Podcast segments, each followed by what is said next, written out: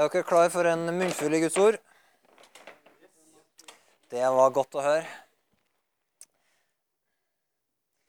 Eh, I dag så har jeg hatt lyst til at vi skal se sammen på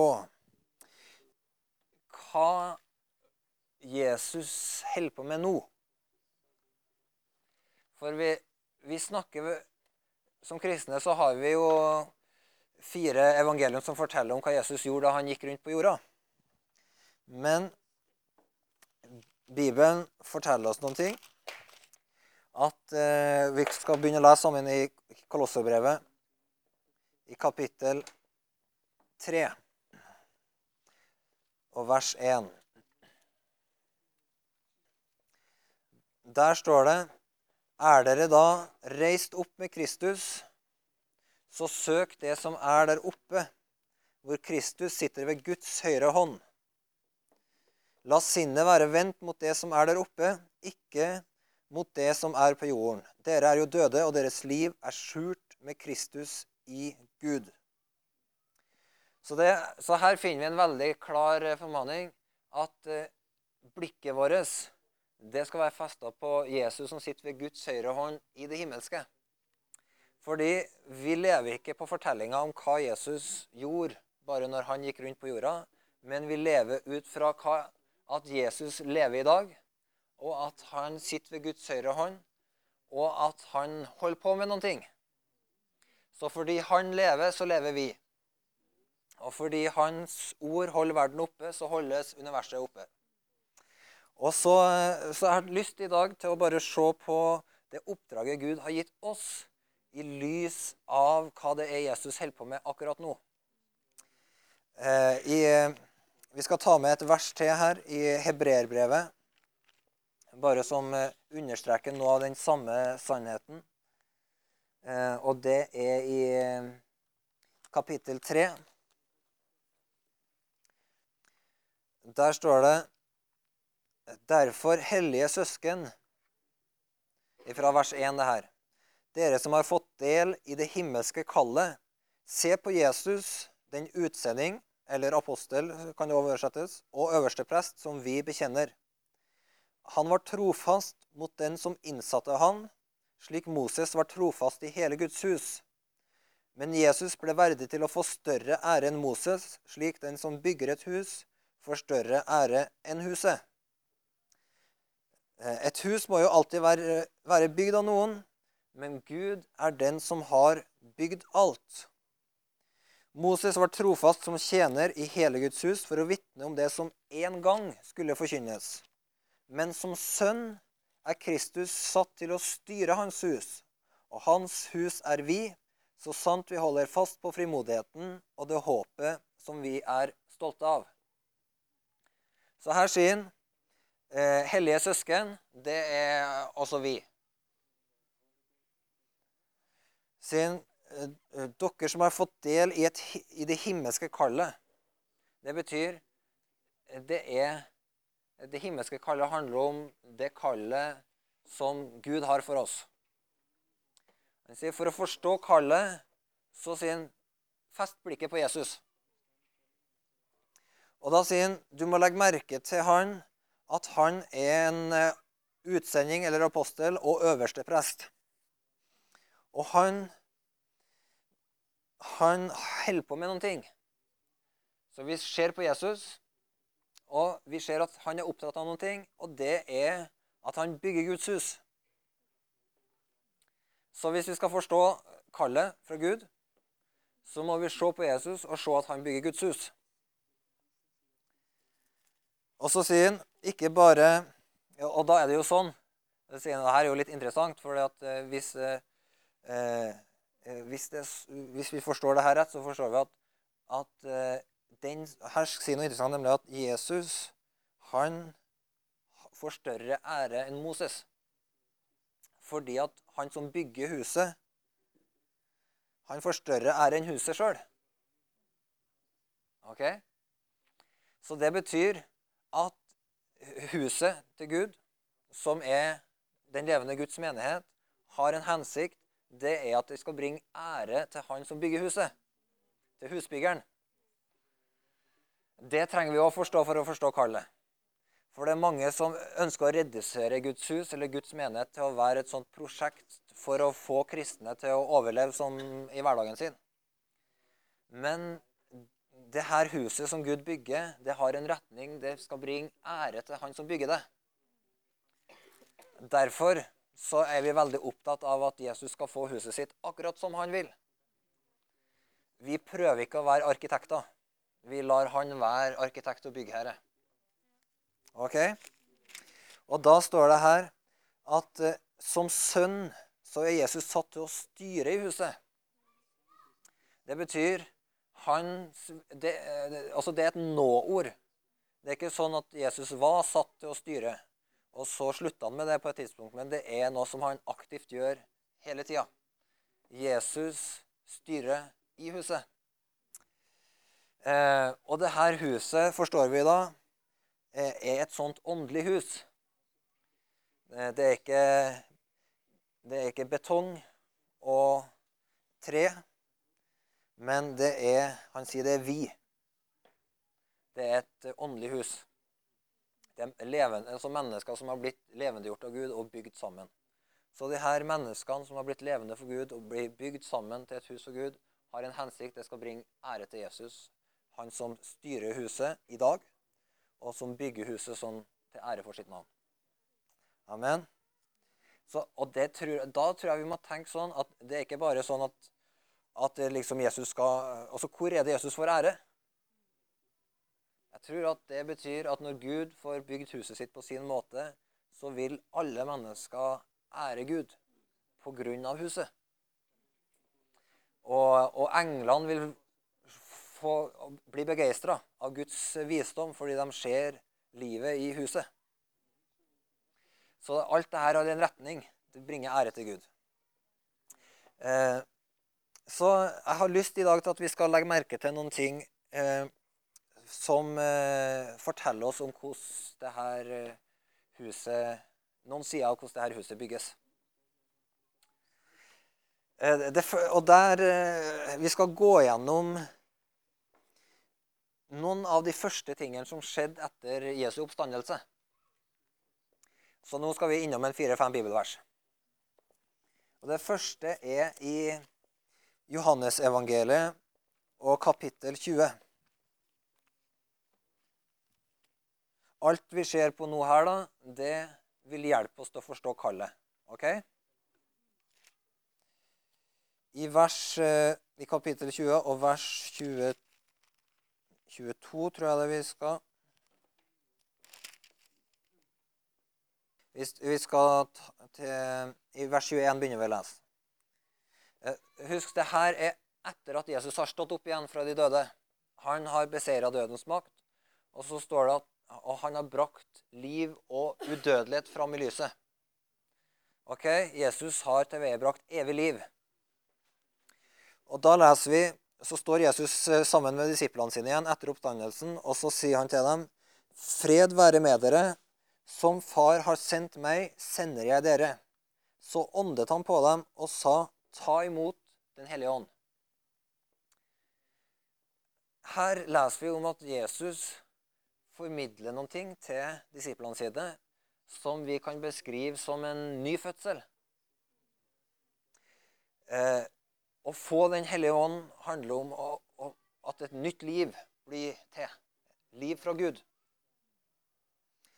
Og denne nye fødselen var ikke mulig før Jesus har stått opp igjen. Ingen av disiplene ble født på ny før Jesus ble korsfesta, gikk i grava og sto opp igjen. Den nye fødselen, det å bli en del av Guds familie, var bare en realitet etter oppstandelsen det er noe som skjer ved Den hellige ånd. Og, og, og her, eh, når Jesus da sender dem ut, så, så, så må han ha denne nye fødselen. Den må skje først. Så han ånda på dem, og liv fra Gud kom til dem. Ok? Og så eh, skal vi ta et eh, avsnitt fra Matteus evangeliet og kapittel 28. Dette er jo kjente ord. Og det her er eh, på ulike måter en oppsummering av de siste ordene som Jesus ga før han dro tilbake til himmelen. Yes. Da trådte Jesus fram og talte til dem. Jeg har fått all makt i himmelen og på jorden. Gå derfor og gjør alle folkeslag til disipler. Døp dem til Faderens og Sønnen og Den hellige ånds navn, og lær dem å holde alt det jeg har befalt dere. Og se, jeg er med dere alle dager inntil verdens ende.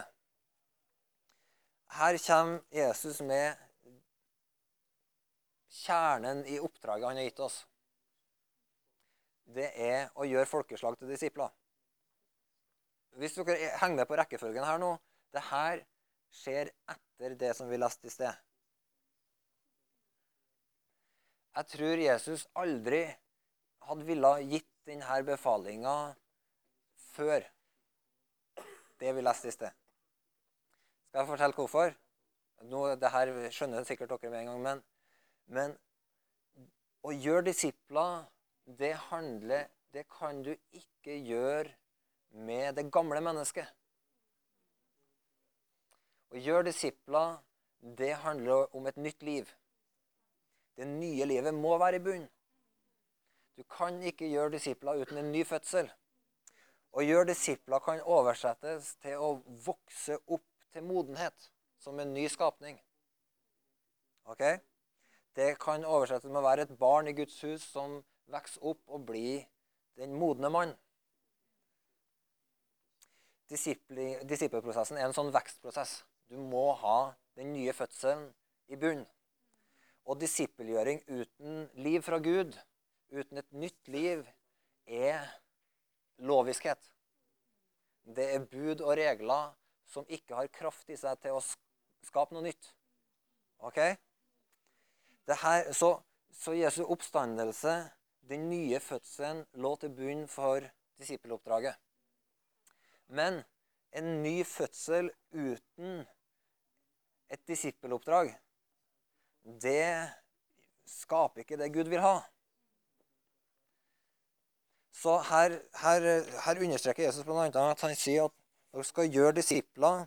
Og så sier han døp dem, Faderens, Sønnen og Den hellige ånds navn, og lær dem å holde.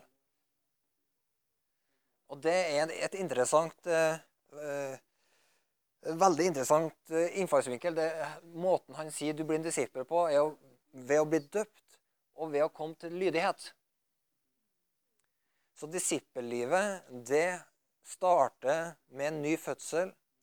Men, og, og, den nye fødselen kan vi se kommer gjennom omvendelse og tro og dåp i vann og dåp i Den hellige ånd. Det er en sånn fødselsprosess der det nye livet bryter fram. Ok? Men det nye livet, det, det nye livet, disippellivet, det er ikke Eh, eller det har én viktig faktor. Den avgjørende vekstfaktoren, det er lydighet. Så, sånn at, eh, så vi ser her at på ene sida er det et liv fra Gud som, som er, på en måte ligger grunn for hele disippellivet, eh, som er et suverent verk av Gud. Og så samtidig så er det er hele vekstprosessen avhengig av at vi blir ført til lydighet. Eh, og, fører, og der, der, er det en del ting som Gud hjelper oss med. Blant annet så kommer dåpen inn her og er en veldig god hjelp.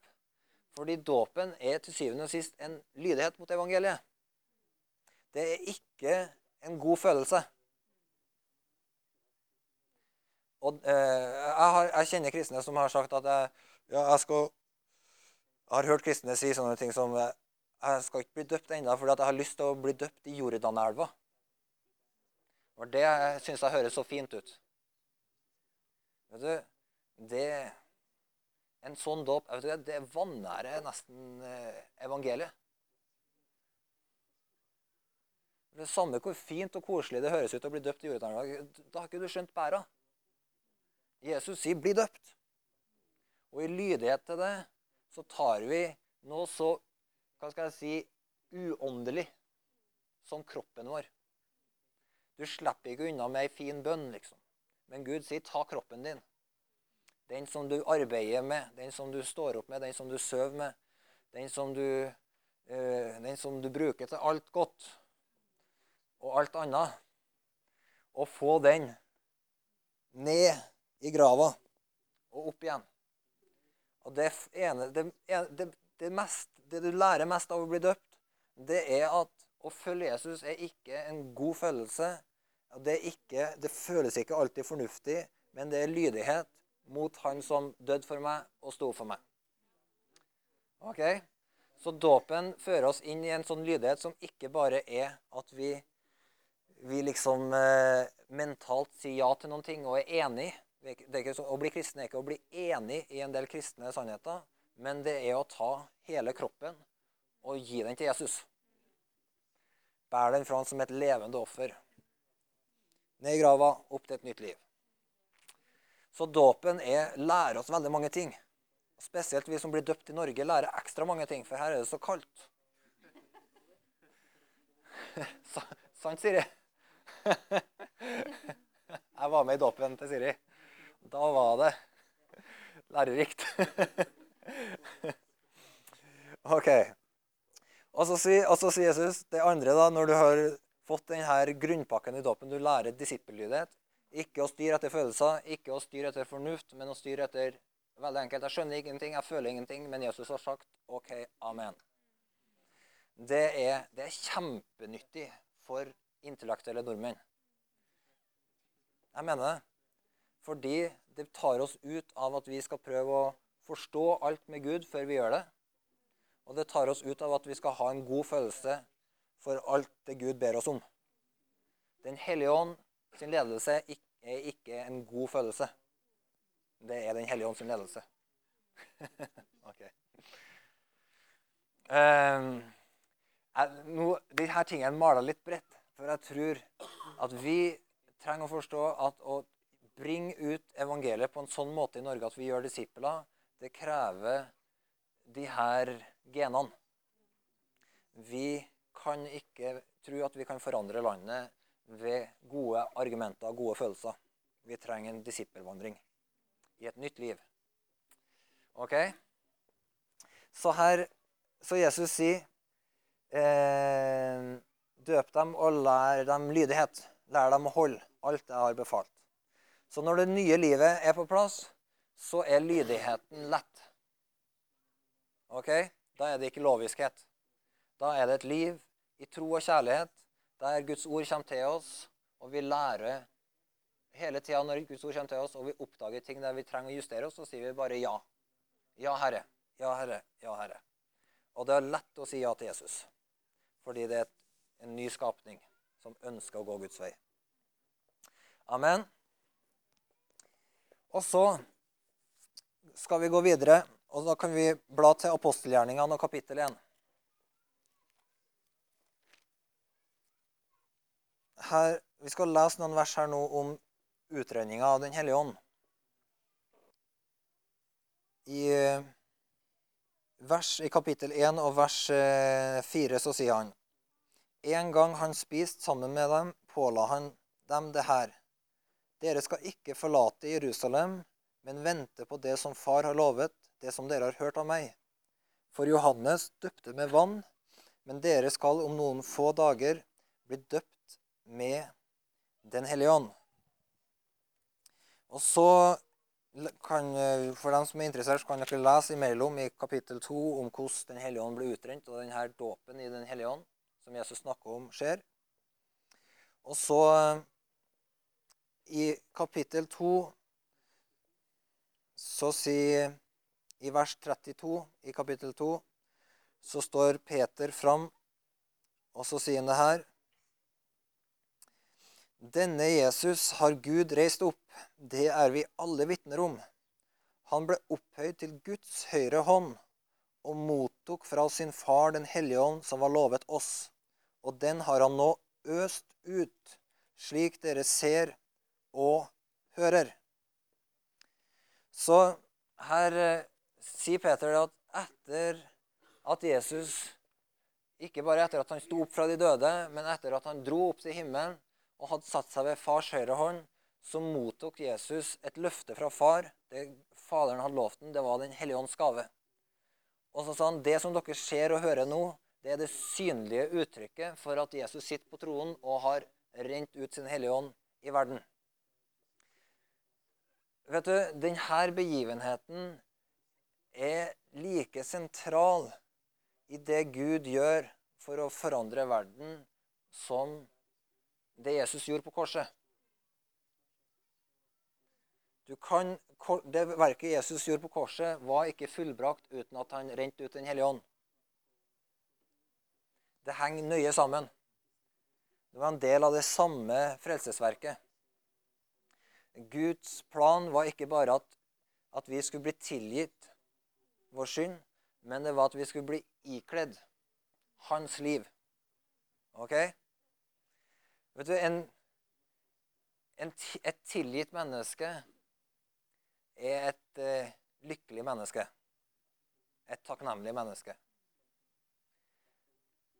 Men uh, en ny skapning som er full av Den hellige ånd, det er et menneske som erfarer kraft, tro og seier.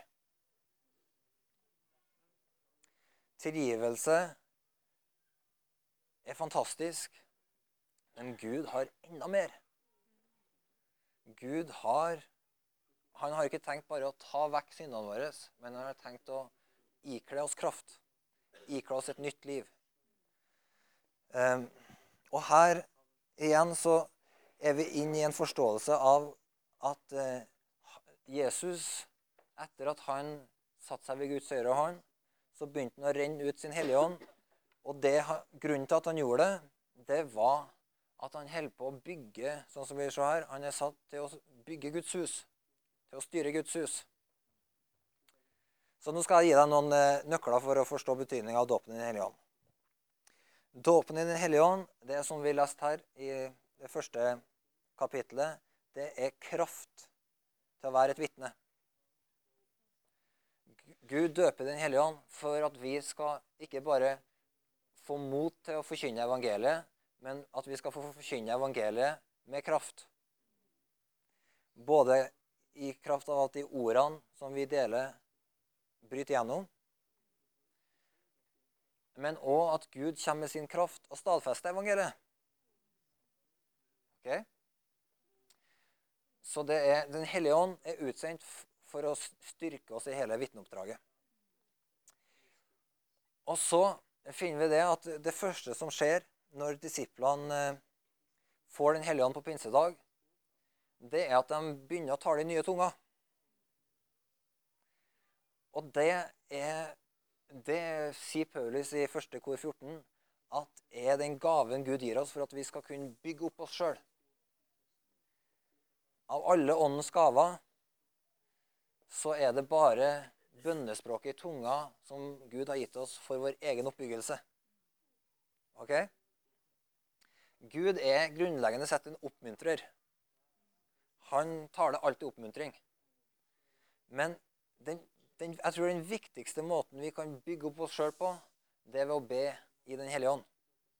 Det er den mest sentrale nøkkelen Gud har gitt oss for at vi kan få være sterke i ånden. Og det er en gave Gud har til alle kristne. Ok?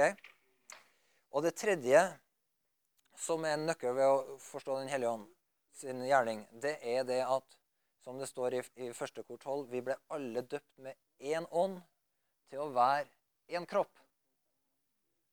Ok?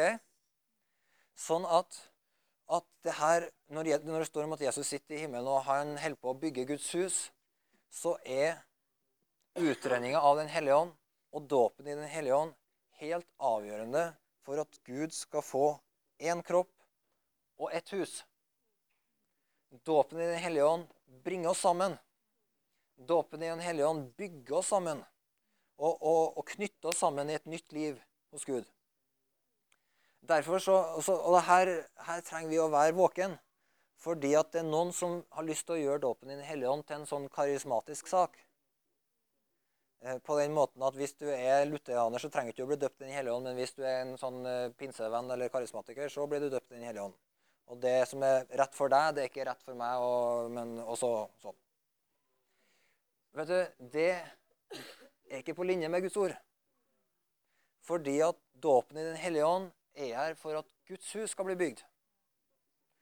Det er Vi trenger å være frimodige i å når vi leder mennesker til Kristus, og legger hendene på dem, sånn at de får bli døpt i Den hellige ånd. Ikke bare fordi at de sjøl skal bli oppbygd, ikke bare for at de sjøl skal få kraft, men for at Jesus skal få det huset som bringer ære til Han. Det bygger huset sammen. Det gjør, gjør at det blir, ikke blir liksom eh, du vet, Når det er snakk om en kropp, så er det ikke sånn at Gud vil ikke ha eh, liksom i Trondheim 2000 kroppsdeler som fyker rundt omkring. Liksom et eh, øye på Tyholt og en eh, legg på Byåsen og sånn. Okay? Gud vil at det her skal bringes sammen i én ånd til å være én kropp. Ok? Nå, denne tingen jeg bare, jeg bare, føler at dette er så viktig for oss nå fordi at, eh, at når vi snakker om å gjøre disipler her, så trenger vi å forstå at vi holder på å samarbeide med Jesus. Han som ånda på disiplene sine, han føder folk på ny i dag. Han som ga befalinger, døp dem og lær dem lydighet. Han holder på med det samme i dag. Han, han døper mennesker og bringer dem inn i lydighet til seg, sånn at de kan vokse Guds type vekst. Og han som rente ut sin Hellige Ånd og døper i Den hellige ånd, han gjør akkurat det samme i dag. Og han gjør det ikke bare for at vi skal være sterke kristne, og det vil han at vi skal være, men for at Guds hus skal bli bygd sånn at Guds navn kan bli æra. Sånn at folk kan se det her huset til Gud er noe helt annet. Det er, det er, ikke likt noe annet vi har sett før. Her er det en, en liv, en tro, en kjærlighet, et håp, en kraft som ikke ligner på noen ting i verden. Så folk skal kunne se og si det her stedet altså Det handler ikke om hvor fin og strømlinjeforma møtene våre er. Det er ikke de tingene der som, eh, som, på en måte gir en impact på verden, men det handler om at folk kan stå i vinduet sitt og se ut på et folk, en kropp, som er bygd sammen i Den hellige ånd. Som elsker hverandre. De kan se på arbeidsplassen sin, så ser de, de møter noen kristne og ser at det er et annet liv. Eller i skolekretsen det er et disippelliv. Det er, ny, det er, et nytt liv fra Gud. Det er alt ved det lukter liv. Amen. Så Gud, Jesus, han sitter ved Guds høyre hånd, og han har rent ut sin ånd for at eh, kroppen skal bli bygd opp. OK. Eh, la meg ta med Skal vi ta og gå til hebreerbrevet? Kapittel 7 og vers 24. Eh, det, hvis det er én ting som er forunderlig med alt det Gud gjør så På ene sida så er det rart at han velger å bruke mennesker. Enkle, skrøpelige mennesker som oss. Fordi han har betrodd oss det mest dyrebare som fins, nemlig evangeliet. Og han har betrodd oss tjenesten av å gi evangeliet videre. Gud bruker ikke engler som sin primære sendebud for å forkynne evangeliet. Han bruker mennesker. Det er et mysterium. Så på den ene sida så kan man bli slått av undring over hvor mye Gud har betrodd oss. Men andre ganger så blir jeg slått av undring over hvor lite egentlig Gud ber oss om å gjøre. Ok? Fordi at eh, når vi her eh, Det som vi har sett på til nå, så ser vi at det er Jesus som føder mennesker på ny. Det er Jesus som, som gjør folk til en ny skapning. Det er han som tilgir dem. Det er han som, eh, som kler dem i Den hellige ånds kraft. Og i alt det her så er vår involvering veldig enkel. Vi kan dele evangeliet. Og vi kan legge hendene på mennesker så de eh, blir døpt i Den hellige ånd. Men det er jo veldig lett. Det er jo ikke vanskelig. Jeg tenker, At et menneske, at Den hellige ånd kommer, det blir jeg imponert av. Det blir alltid det, Hver gang folk blir døpt i Den hellige ånd, så blir jeg alltid så imponert av hvordan Gud gjør. Uh, og Av og til så er dåpen i Den hellige ånd det begynner som en sånn liten sånn sildrende bekk. Og så ser du bare hvordan den veller fram og forandrer et menneske. Mens andre ganger så, så kommer dåpen i Den hellige ånd som en sånn flodbølge. Og, og, og folk bare blir forandra i et sekund. Og begge deler er fantastisk. Men, og jeg har vært vitne til begge deler mange ganger, men, eh, men jeg blir alltid overraska. Det er jo så lite. Vi legger hendene på folk. Og Gud kommer og gjør fantastiske ting. I romjula så hadde jeg en drøm. En romjulsdrøm. Jeg drømte om en eh, kompis som jeg ikke hadde møtt på 15 år. En som jeg gikk på ungdomsskolen med. Og så um, drømte jeg at Gud kalte på han, og at han lengta etter Gud. Og så skulle jeg var jeg på den, det stedet, den bygda der han bor, eh, nå i første uka i januar. Og så stakk jeg innom på arbeidsplassen hans. Det var jo veldig gøy. Han hadde jo ikke møtt meg på 15 år. Og så sa jeg hei, og han var 'Hallo?' Det var lenge siden.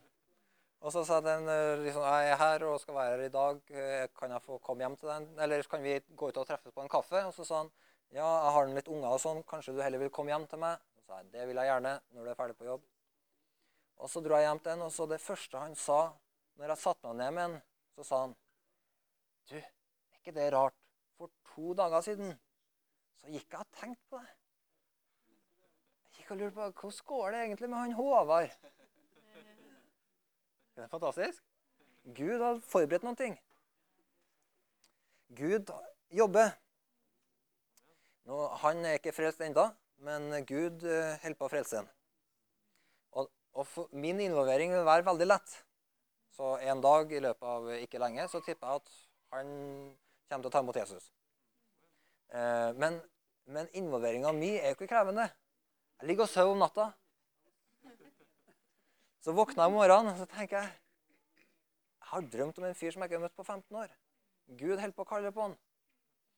Og så stikker du på besøk, og så oppdager Nei, jeg gikk og tenkte på deg for Jeg har ikke møtt deg på 15 år, men for to dager så gikk jeg rundt og tenkte på deg. Det er lett.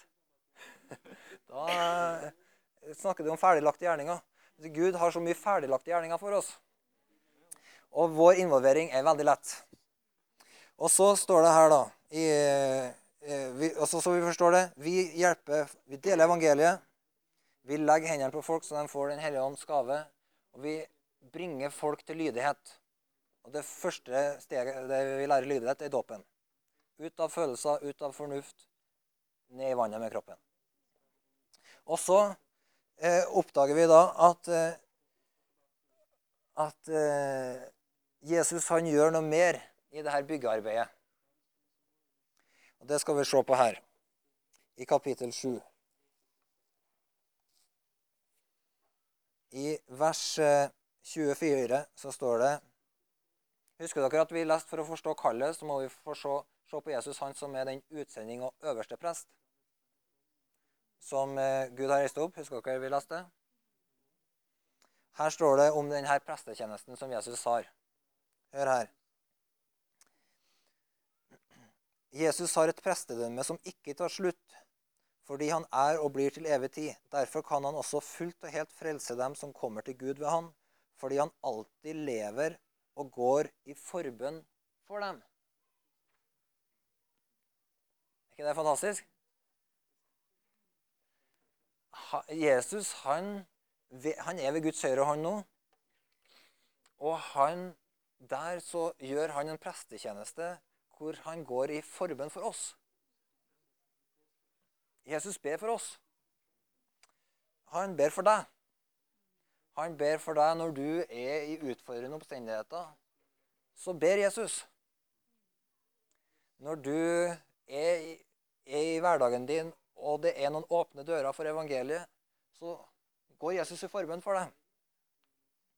Det er det her er Her kortslutter noen av mine, min forståelse.